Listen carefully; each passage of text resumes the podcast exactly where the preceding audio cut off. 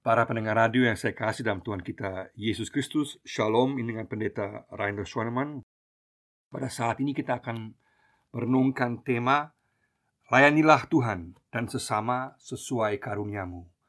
Layanilah Tuhan dan sesama sesuai karuniamu. Kita akan membaca dari 1 Korintus pasal 12 ayat 1 sampai 11 1 Korintus pasal 12 ayat 1 sampai 11 Rupa-rupa karunia tetapi satu roh. Sekarang tentang karunia-karunia roh, aku mau saudara-saudara supaya kamu mengetahui kebenarannya. Kamu tahu bahwa pada waktu kamu masih belum mengenal Allah, kamu tanpa berpikir ditarik kepada berhala-berhala yang bisu. Karena itu aku mau meyakinkan kamu bahwa tidak ada seorang pun yang berkata-kata oleh roh Allah dapat berkata terkutuklah Yesus. Dan tidak ada seorang pun yang dapat mengaku Yesus adalah Tuhan selain oleh Roh Kudus. Ada rupa-rupa karunia, tetapi satu Roh, dan ada rupa-rupa pelayanan, tetapi satu Tuhan, dan ada berbagai-bagai perbuatan ajaib, tetapi Allah adalah satu yang mengerjakan semuanya dalam semua orang. Tetapi kepada tiap-tiap orang dikaruniakan penyataan Roh untuk kepentingan bersama, sebab kepada yang seorang roh memberikan karunia untuk berkata-kata dengan hikmat, dan kepada yang lain roh yang sama memberikan karunia berkata-kata dengan pengetahuan. Kepada yang seorang roh yang sama memberikan iman, dan kepada yang lain ia memberikan karunia untuk menyembuhkan. Kepada yang seorang roh memberikan kuasa untuk mengadakan mujizat, dan kepada yang lain ia memberikan karunia untuk bernubuat, dan kepada yang lain lagi ia memberikan karunia untuk membedakan bermacam-macam roh. Kepada yang seorang ia memberikan karunia untuk berkata-kata dengan bahasa roh dan kepada yang lain ia memberikan karunia untuk menafsirkan bahasa roh itu. Tetapi semuanya ini dikerjakan oleh roh yang satu dan yang sama yang memberikan karunia kepada tiap-tiap orang secara khusus seperti yang dikehendakinya. Layanilah Tuhan dan sesama sesuai karuniamu. Dari awal perkembangan gereja ada kemajemukan. Ada gereja atau jemaat yang lebih bersifat tradisional formal seperti jemaat Yerusalem atau Galatia yang sangat dekat dengan tradisi Yahudi. Ada yang lebih bersifat karismatis, hidup, semangat seperti jemaat di Korintus. Mereka memiliki latar belakang berbagai kepercayaan berhala, tahayul, misteri, dan filsafat. Dan ada juga yang lebih moderat seperti jemaat-jemaat di Tesalonika dan Filipi. Setiap jemaat ini memiliki kekuatan dan hal-hal yang positif masing-masing. Tetapi masing-masing juga mempunyai masalahnya sendiri-sendiri. Itulah sebabnya ada berbagai surat dalam Perjanjian Baru untuk menguatkan iman dan sekaligus menegur atau mengoreksi berbagai pemahaman teologis praktis yang tidak sesuai dengan pengajaran Yesus dalam jemaat-jemaat.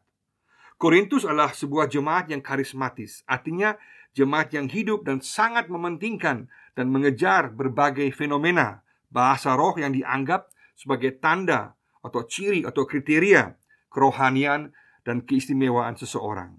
Dan dengan praktek karunia bahasa roh ini, mereka merasa diri lebih rohani daripada yang lain. Mengapa mereka sedemikian menekankan bahasa roh? Ini disebabkan dari latar belakang kepercayaan-kepercayaan lama mereka kepada berhala-berhala, dunia mistik dan misteri, tahayul dan filsafat. Di sana orang ekstasis yang dipenuhi atau dirasuki berbagai roh dianggap istimewa dan hebat. Dan inilah yang mau dikoreksi oleh Paulus dalam 1 Korintus pasal 12 sampai 14 mengenai arti dan penggunaan karunia-karunia Roh Kudus. Kota Korintus adalah kota perdagangan yang ramai dan banyak sekali ada pengaruh luar yang mempengaruhi pola pikiran dan etika kehidupan mereka. Ini ibaratnya di tanah Papua seperti kota Sorong dan juga kota Jayapura yang sangat ramai dan di mana banyak sekali pengaruh dari luar yang masuk, baik terhadap pola pikir tetapi juga cara hidup dan etika.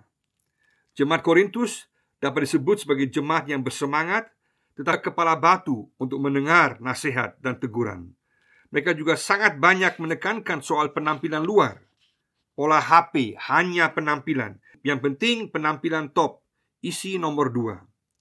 Paulus sangat kesulitan menghadapi mereka karena penampilan Paulus rupanya biasa saja dan bagi mereka kurang karismatis, kurang keren, kurang gaul, kurang sirbe pengaruh.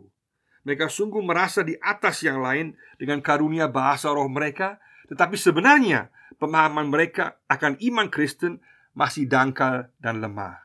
Mereka tahu sedikit, tetapi kemudian mereka bertindak overdosis. Mereka membuat gerakan tambahan sendiri. Padahal dalam Roma 8 ayat 9 dan 14 sangat jelas bahwa Roh Kudus diberikan kepada semua orang percaya dan bukan hanya kepada orang-orang tertentu saja, seperti anggapan mereka atau kalaupun diberikan, mereka anggap dosis atau takaran Roh Kudus mereka berbeda.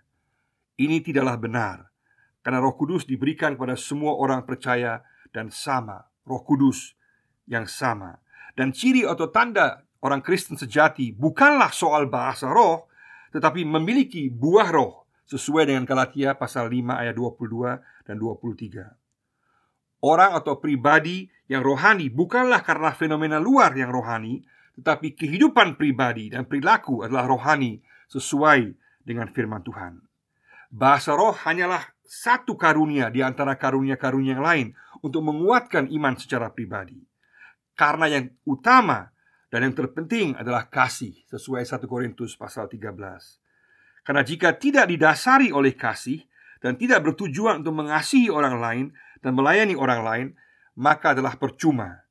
Kasih adalah yang terutama dan semua karunia adalah untuk membangun dan melayani persekutuan jemaat dan orang lain. Kasih inilah yang harus sungguh dengan serius dikejar dan diupayakan oleh setiap orang percaya sesuai dengan 1 Korintus 14 ayat 1. Yang sangat menarik adalah bahwa jemaat di Korintus terus bertumbuh dalam jumlah meskipun ada konflik dan kekurangan dalam pemahaman.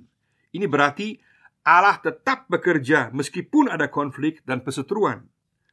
Tetap ada anugerah Allah yang memberikan pertumbuhan. Luar biasa, puji Tuhan. Meskipun demikian, janganlah disimpulkan karena bertumbuh maka semuanya beres dan oke-oke saja dan biarkan saja begitu. Itu berarti mereka benar. Tidaklah demikian. Meskipun jemaat Korintus bertumbuh dalam anugerah Allah, meskipun ada kelemahan, kesalahan, dan konflik, Paulus mengkoreksi dan mengarahkan jemaat Korintus agar penggunaan karunia dilakukan dengan baik secara teratur dan menjadi berkat bagi orang lain. Setiap jemaat kita, meskipun mengalami pertumbuhan karena anugerah Allah, tetap perlu siap dikoreksi oleh firman Tuhan. Karena jika tidak bersedia dan keras kepala, maka dalam jangka panjang akan mengalami kesulitan dan kemunduran yang besar. Ada banyak contoh dan bukti dalam sejarah gereja dan misi mengenai hal ini. Paulus ingin mengkoreksi jemaat di Korintus untuk menempatkan karunia bahasa roh yang jelas ada pada tempat yang sepantasnya dan berbicara mengenai pentingnya semua karunia Roh Kudus untuk pelayanan jemaat. Secara keseluruhan Paulus menekankan bahwa setiap orang percaya adalah seorang yang karismatis karena memiliki Roh Kudus dan dilengkapi Roh Kudus. Setiap orang Kristen adalah karismatis. Ada lima hal yang Paulus tekankan dalam perikop ini sesuai dengan alur teks. Yang pertama adalah Kristus tolok ukur dan tujuan segala karunia. Kristus tolok ukur dan tujuan segala karunia rohani. Ayat pertama sampai ayatnya yang ketiga. Paulus tekankan dengan jelas bahwa ada banyak karunia roh dan semua karunia membawa kemuliaan Tuhan Yesus dan tidak bertentangan dengan Yesus. Kalau bukan sesuai dengan pengajaran Yesus dan untuk kemuliaan, penghormatan, penyembahan Yesus, maka semuanya adalah percuma dan sia-sia. Paulus katakan jemaat di Korintus harus tahu akan hal ini. Apa yang hendak dia sampaikan adalah sangat-sangat penting karena mereka di Korintus merasa diri tahu soal karunia roh tetapi sebenarnya tidak tahu. Karena mereka membuat penilaian berdasarkan pengalaman mereka dari kepercayaan-kepercayaan lama mereka yang menekankan fenomena-fenomena berbahasa lain dan berada dalam keadaan ekstasis setengah kesurupan. Mereka telah disesatkan oleh kepercayaan lama mereka. Karena tidak semua roh berasal dari Tuhan Karena juga ada roh-roh yang lain Dan juga kalau ada bahasa roh yang berasal dari roh kudus Tidaklah boleh disombongkan Karena itu salah dan menghasilkan perpecahan dalam jemaat Paulus katakan tidak mungkin sesuatu berasal dari roh kudus Jika menentang Yesus Karena hanya melalui roh kudus Seseorang dapat mengaku Yesus sebagai Tuhan Maka semua roh harus diuji Apakah berasal dari Tuhan. Ini juga sesuai dengan 1 Yohanes pasal 4 ayat 1 sampai 6. Jadi karunia karis, karismata berasal dari Tuhan dan harus sesuai dengan pengajaran Yesus. Kalau ada yang bilang punya karunia, kemudian pakai mantra-mantra, pola-pola dan cara-cara tertentu dan berbagai prasyarat, ini berarti bukan karunia, tetapi ilmu putih, white magic, roh iblis yang menyamar. Ini jelas harus ditolak. Kita harus bisa membedakan roh.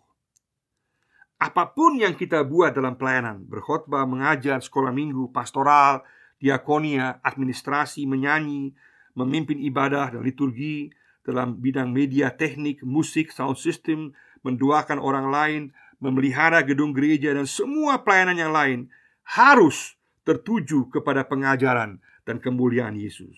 Jika tidak, maka percuma dan sia-sia. Yesus Kristus adalah pusat segala sesuatu dan pusat hidup dan pelayanan. Yesus adalah Tuhan. Mari kita gunakan karunia kita untuk pelayanan. Yang kedua, pelbagai karunia, pelayanan dan perbuatan ajaib berasal dari Allah Tritunggal. Pelbagai karunia, pelayanan dan perbuatan ajaib berasal dari Allah Tritunggal, Allah Bapa, Tuhan Yesus dan Roh Kudus. Ayat 4 sampai ayat 6. Paulus bukan saja tekankan bahwa Yesus adalah tolok ukur dan tujuan segala karunia, tetapi bahwa pelbagai karunia, pelayanan, dan perbuatan ajaib semuanya berasal dari Allah Tritunggal, dari roh yang sama, dari Allah Bapa, Tuhan Yesus dan Roh Kudus. Roh Kudus yang sama yang bekerja dalam berbagai jenis karunia, pelayanan, dan perbuatan ajaib. Tanpa Roh Kudus, semua itu tidak dapat dilakukan, dan Roh Kudus yang menyatukan semua. Perpecahan harus dihindari karena Roh Kudus bekerja dalam semua. Karunia roh diberikan untuk pelayanan dan bukan untuk pamer diri akan status rohani. Mari kita gunakan karunia kita untuk pelayanan dan kemuliaan Tuhan. Semua karunia dan pelayanan bernilai sama di hadapan Roh Kudus, sehingga tidak ada ranking, tidak ada tingkatan karunia atau tingkatan atau ranking pelayanan. Semua sama berharga di mata Tuhan Mari kita gunakan karunia kita dan melayani tanpa membandingkan diri dengan orang lain. Setiap kita berharga dan setiap pelayanan kita bernilai di hadapan Tuhan. Yang ketiga, tujuan pemberian karunia untuk kepentingan bersama ayat 7. Tujuan pemberian karunia untuk kepentingan bersama ayat 7. Pemberian penyataan roh dalam karunia dan pelayanan adalah untuk kepentingan bersama, untuk kepentingan membangun seluruh jemaat. Tidak ada tempat untuk berpikir sempit, egois dengan menekankan karunia-karunia tertentu semata, apalagi yang spektakuler, tapi harus melihat semuanya dan tujuannya untuk pelayanan dalam jemaat. Tidak ada tempat untuk pidi, pikir diri, tetapi pikir jemaat. Semua yang dilakukan untuk membangun jemaat. Dan kalau semua karunia berfungsi, maka pelayanan jemaat akan berkembang. Luar biasa, puji Tuhan. Dalam kebersamaan penggunaan karunia, akan ada berkat yang luar biasa. Dalam Mazmur 133 dikatakan dalam persekutuan persaudaraan berkat Tuhan akan mengalir. Dan di sini dalam persekutuan penggunaan karunia untuk kepentingan jemaat berkat Tuhan akan mengalir baik rohani maupun jasmani. Puji Tuhan. Sejauh mana kita masih dipengaruhi prinsip pidi, pikir diri? Apakah kita masih mementingkan ego, keakuan, kehebatan kita sendiri? Ataukah kita sudah dalam kebersamaan melayani sesuai karunia masing-masing untuk kepentingan bersama dalam jemaat? Mari kita dalam kebersamaan menghargai masing-masing karunia satu dengan yang lainnya. Maukah kita? Maka jemaat kita akan semakin berkembang, pelayanannya akan semakin menyentuh dan menjadi berkat. Yang keempat di sini adalah beberapa contoh karunia dari Roh Kudus yang sama. Beberapa contoh karunia dari Roh Kudus yang sama ayat 8 sampai 10. Dalam ayat 8 sampai 10 ini Paulus memberikan beberapa contoh karunia roh. Ini bukan merupakan sebuah daftar yang lengkap. Dalam Roma 12 ayat 6 sampai 8 dan juga Efesus 4 ayat 11 dan 12, Paulus juga memberikan beberapa contoh yang dapat dilihat sebagai judul umum dari berbagai karunia yang dalam rinciannya jauh lebih banyak. Intinya, apa pun karunia yang diberikan Roh Kudus nilainya sama karena berasal dari roh yang sama. Artinya, karunia roh banyak jenisnya. Ada karunia hikmat yang dapat menolong orang lain untuk mengambil keputusan yang tepat dalam situasi kehidupan sehari-hari. Ada karunia pengetahuan untuk memperoleh pemahaman yang lebih mendalam mengenai firman Tuhan dan kehendak Tuhan. Ada karunia iman yang percaya akan mujizat, misalnya memindahkan gunung dalam pasal 13 ayat 2 dalam berbagai situasi kehidupan. Jadi bukan iman untuk keselamatan yang dimiliki orang percaya, tapi iman dalam hal mujizat bahwa Tuhan mampu berbuat sesuatu. Juga karunia untuk penyembuhan. Artinya ada berbagai karunia untuk kesembuhan penyakit yang berbeda. Tapi semua ini adalah berdasarkan kehendak Roh Kudus. Artinya ini bukan berarti kalau kita mendoakan orang yang sakit dan dia menjadi sembuh, kemudian kita langsung memulai sebuah pelayanan kesembuhan secara khusus, bukan. Ini juga berlaku untuk karunia melakukan mujizat yang sering kali berkaitan dengan kesembuhan. Yang lebih tepat adalah melayani secara umum dan tetap mendoakan orang sakit dan mengharapkan kesembuhan dari Tuhan. Pada saat yang sama, pelayanan diakonia, medis, kristiani adalah sangat penting karena sangat banyak orang disembuhkan lewat pelayanan medis dari akal budi yang diberikan oleh Tuhan. Ini terbukti dalam sejarah misi dan juga gereja. Maka kedua-duanya adalah penting dan jangan dipertentangkan.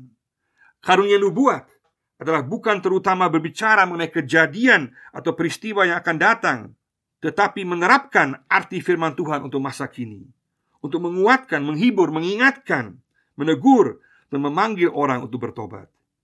Jadi tujuan nubuatan adalah agar orang percaya hidup dalam kehendak Tuhan sesuai dengan firman Tuhan. Itulah sebabnya mengapa karunia bernubuat ditekankan secara khusus oleh Paulus di 1 Korintus 14 ayat 1. Karena nubuatan berkaitan dengan pengajaran firman Tuhan yang jelas untuk pemahaman iman dan dalam kehidupan Kristen sehari-hari. Karunia membedakan roh artinya dapat membedakan apakah sesuatu berasal dari Tuhan atau dari roh-roh yang lain. Ini juga penting dalam pelayanan pelepasan dari kuasa kegelapan. Yang terakhir Paulus sebutkan sebagai contoh di sini adalah karunia berbahasa roh dan karunia menafsirkan bahasa roh. Paulus menaruhnya di akhir karena orang-orang di Korintus terlalu menekankan bahasa roh secara berlebihan. Dan juga karena semua karunia lainnya adalah untuk menolong dan melayani orang lain. Sedangkan karunia bahasa roh adalah untuk penguatan iman secara pribadi. Jadi karunia bahasa roh ada dan penting untuk penguatan iman pribadi, tetapi bukanlah karunia yang utama. Yang utama adalah kasih. Dan kalau bahasa roh dipakai dalam jemaat, haruslah diterjemahkan supaya dapat dimengerti semua orang. Itulah prinsip kasih, melihat kepentingan orang lain dan kegunaan bagi orang lain. Paulus memberikan beberapa contoh dan masih ada banyak jenis karunia lainnya. Semua dari Roh Kudus yang sama, sama bernilai dan dipakai untuk kepentingan bersama. Berbeda karunia dan pelayanan, tetapi satu Roh Kudus. Satu Roh Kudus, tetapi banyak manifestasi karunia dan pelayanan. Mari kita bersyukur untuk banyaknya karunia yang Roh Kudus berikan untuk pembangunan jemaat. Mari kita menemukan karunia kita masing-masing dan menggunakannya untuk pelayanan dalam jemaat secara bertanggung jawab untuk kepentingan bersama. Maukah kita Bersediakah kita? Katakan Tuhan, aku bersedia. Yang kelima yang terakhir, karunia diberikan berdasarkan kehendak Roh Kudus. Karunia diberikan berdasarkan kehendak Roh Kudus. Ayat 11. Paulus merangkum dan menekankan kembali bahwa setiap orang percaya secara khusus diberikan karunia oleh Roh Kudus yang sama yang memberikannya sesuai kehendaknya. Mari kita bersyukur untuk karunia yang Roh Kudus berikan secara khusus untuk tiap-tiap kita. Setiap orang saat menjadi percaya kepada Tuhan Yesus menerima paling sedikit satu karunia. Lainlah Tuhan dengan karuniamu. Secara praktis, apa itu karunia roh itu? Karunia rohani adalah sebuah kemampuan khusus yang Tuhan berikan berdasarkan anugerahnya dan kehendaknya kepada setiap orang percaya untuk dipakai dalam pelayanan pembangunan jemaat. Karunia rohani ini diberikan untuk melengkapi kita dalam pelayanan. Berbeda artinya dengan talenta. Kalau talenta dalam Matius 25 artinya adalah lebih luas, yaitu segala pemberian Tuhan kepada kita yang harus kita pertanggungjawabkan kepada Tuhan, termasuk harta milik kita, bakat kita, kemampuan kita, waktu kita posisi jabatan dan karunia kita. Jadi karunia adalah bagian daripada pemberian Tuhan bagi kita untuk pelayanan secara khusus. Adalah sangat penting untuk setiap orang percaya untuk melayani sesuai karunia Roh Kudus. Melayani dengan karunia Roh Kudus berarti melayani dengan kekuatan Roh Kudus. Ibaratnya bukan dayung sendiri, tetapi pasang layar sehingga Roh Kudus yang tiup.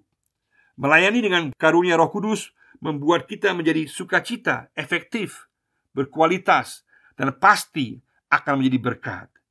Kita perlu sungguh mencari tahu karunia kita untuk mengetahuinya. Bisa juga lewat tes karunia seperti yang kita buat dalam sekolah kita malam.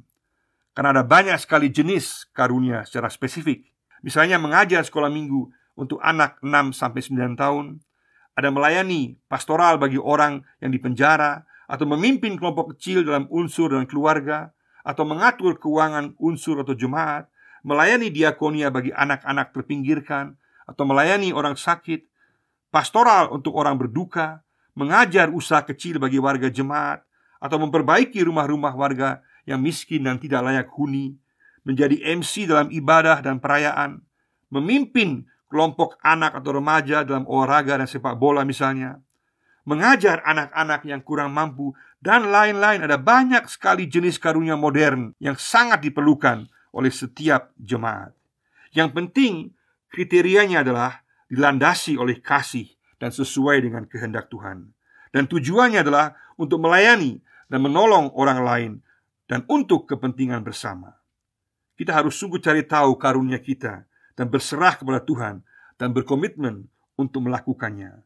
Untuk jemaat penting sekali mempunyai database karunia setiap warganya sehingga setiap pelayanan kita dikerjakan oleh mereka yang memiliki karunia tersebut.